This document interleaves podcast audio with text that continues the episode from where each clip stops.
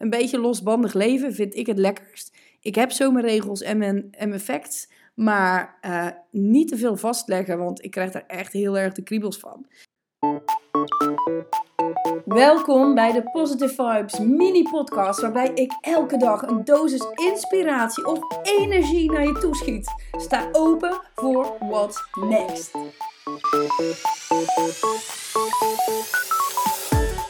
Hallo pieps, ik ga jullie meenemen in een verhaal van vroeger.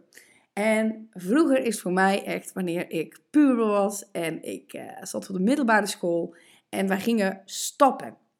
Ik ben opgevoed met op tijd komen. Dus dat op tijd komen had zijn weerslag in bijvoorbeeld eten. Het avondeten was altijd om vijf uur. Ik kan me nu niet eens meer voorstellen. Mijn ouders eten nu tegenwoordig volgens mij ook niet eens meer om vijf uur. Maar we moesten echt om vijf uur, was altijd gewoon etenstijd. En ik mocht ook echt niet te laat komen. Want dan kreeg je gewoon koud eten of weet ik veel wat. Ik weet het eigenlijk niet eens meer hoe dat ging. Maar ik kreeg wel op mijn donder als ik niet op tijd was. Ik was natuurlijk een braaf meisje, dus ik kwam eigenlijk bijna altijd wel op tijd in mijn beleving. Ik zal het nog een keer checken bij mijn ouders of dat echt klopte. Maar toen kwam het moment dat ik ging stappen. En ja, je vindt het leuk in de stad, je bent met je vrienden, je hebt het naar je zin. Mensen gaan nog niet naar huis, want degene die in de stad wonen, ik woonde natuurlijk in de polder. Degene die in de stad wonen, ja, die mochten langer blijven, want ja, die waren binnen een paar minuten thuis. Maar ik moest gewoon, ik weet niet eens hoe lang, ik moest in ieder geval 14 kilometer terug naar mijn huis. Dus dat was best een afstand. En dan als meisje alleen. Ik snap wel waarom mijn ouders die tijdstippen hebben gezegd. En ik heb er eerlijk gezegd niet mega veel moeite mee gehad. Maar ja, op het moment dat je iemand leuk vindt, of je hebt een vriendje, of weet ik wat, dan wil je toch langer blijven.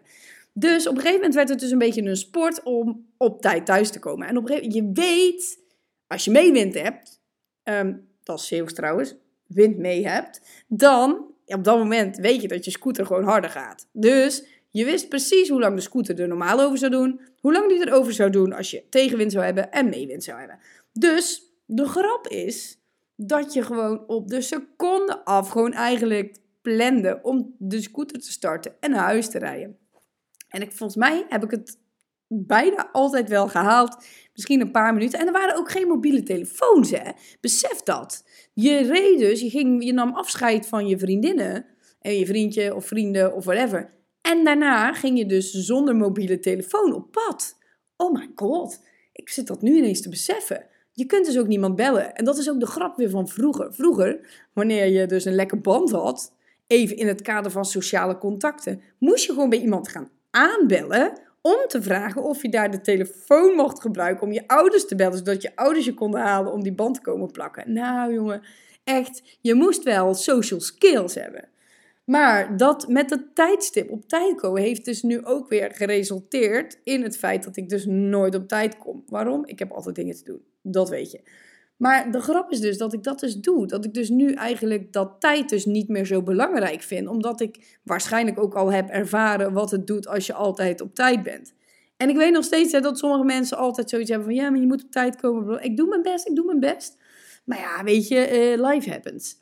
Dus op tijd komen, zorgen dat je dingen plant...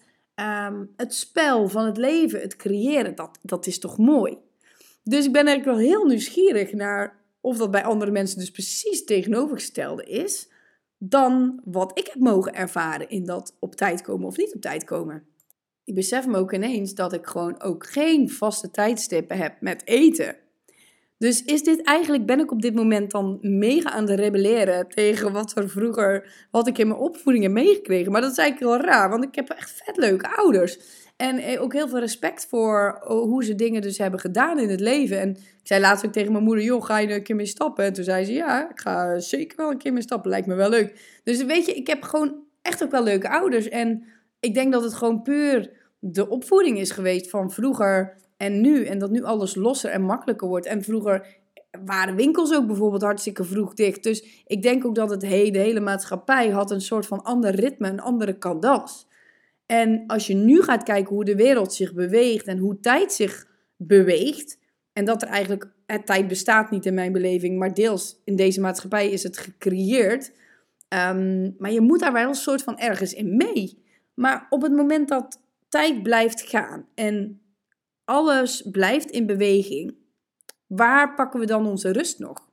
Want de tijdstippen die toen gesteld werden om thuis te komen om te eten, dat gaf wel rust. Je wist waar je aan toe was. Iedereen wist wanneer die thuis kwam. Nogmaals, je had geen mobiele telefoon, dus je kon niet even zeggen: hey, schiet eens op, want het eten is bijna klaar. Ehm, dus je was wel veel meer op elkaar afgestemd. En ik denk dat dat wel iets heel erg moois is. Uh, dat we ook mogen kijken naar elkaar van hoe beweegt mijn wereld om mij heen? Hoe beweegt mijn familie, mijn gezin met me mee? Wat doen mijn vrienden? Hoe reageren we op elkaar? En is dat eigenlijk iets waar we ons heel fijn bij voelen, comfortabel bij voelen? Of is het iets wat ons heel onrustig en onzeker maakt?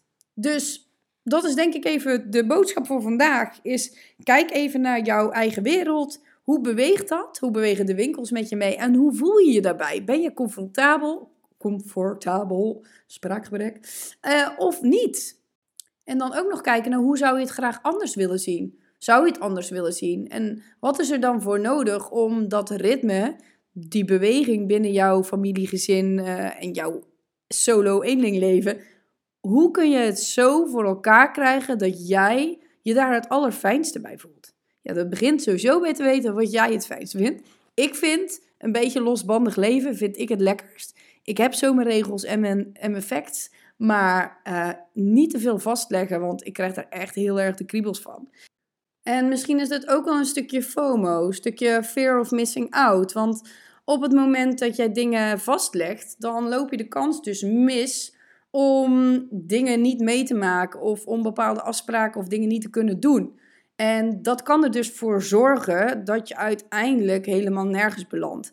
Want op het moment dat je dus wel dingen vastlegt en dingen gaat doen en dieper ergens induikt, kan het zomaar zijn dat je veel mooiere, betere, gavere dingen ontdekt. Stel hebt bijvoorbeeld een, een, een, dansles die je elke week volgt. Stel je voor dat jij gewoon random, spontaan gaat dansen wanneer jij daar een goed gevoel bij hebt en je hebt niks anders op die dag staan.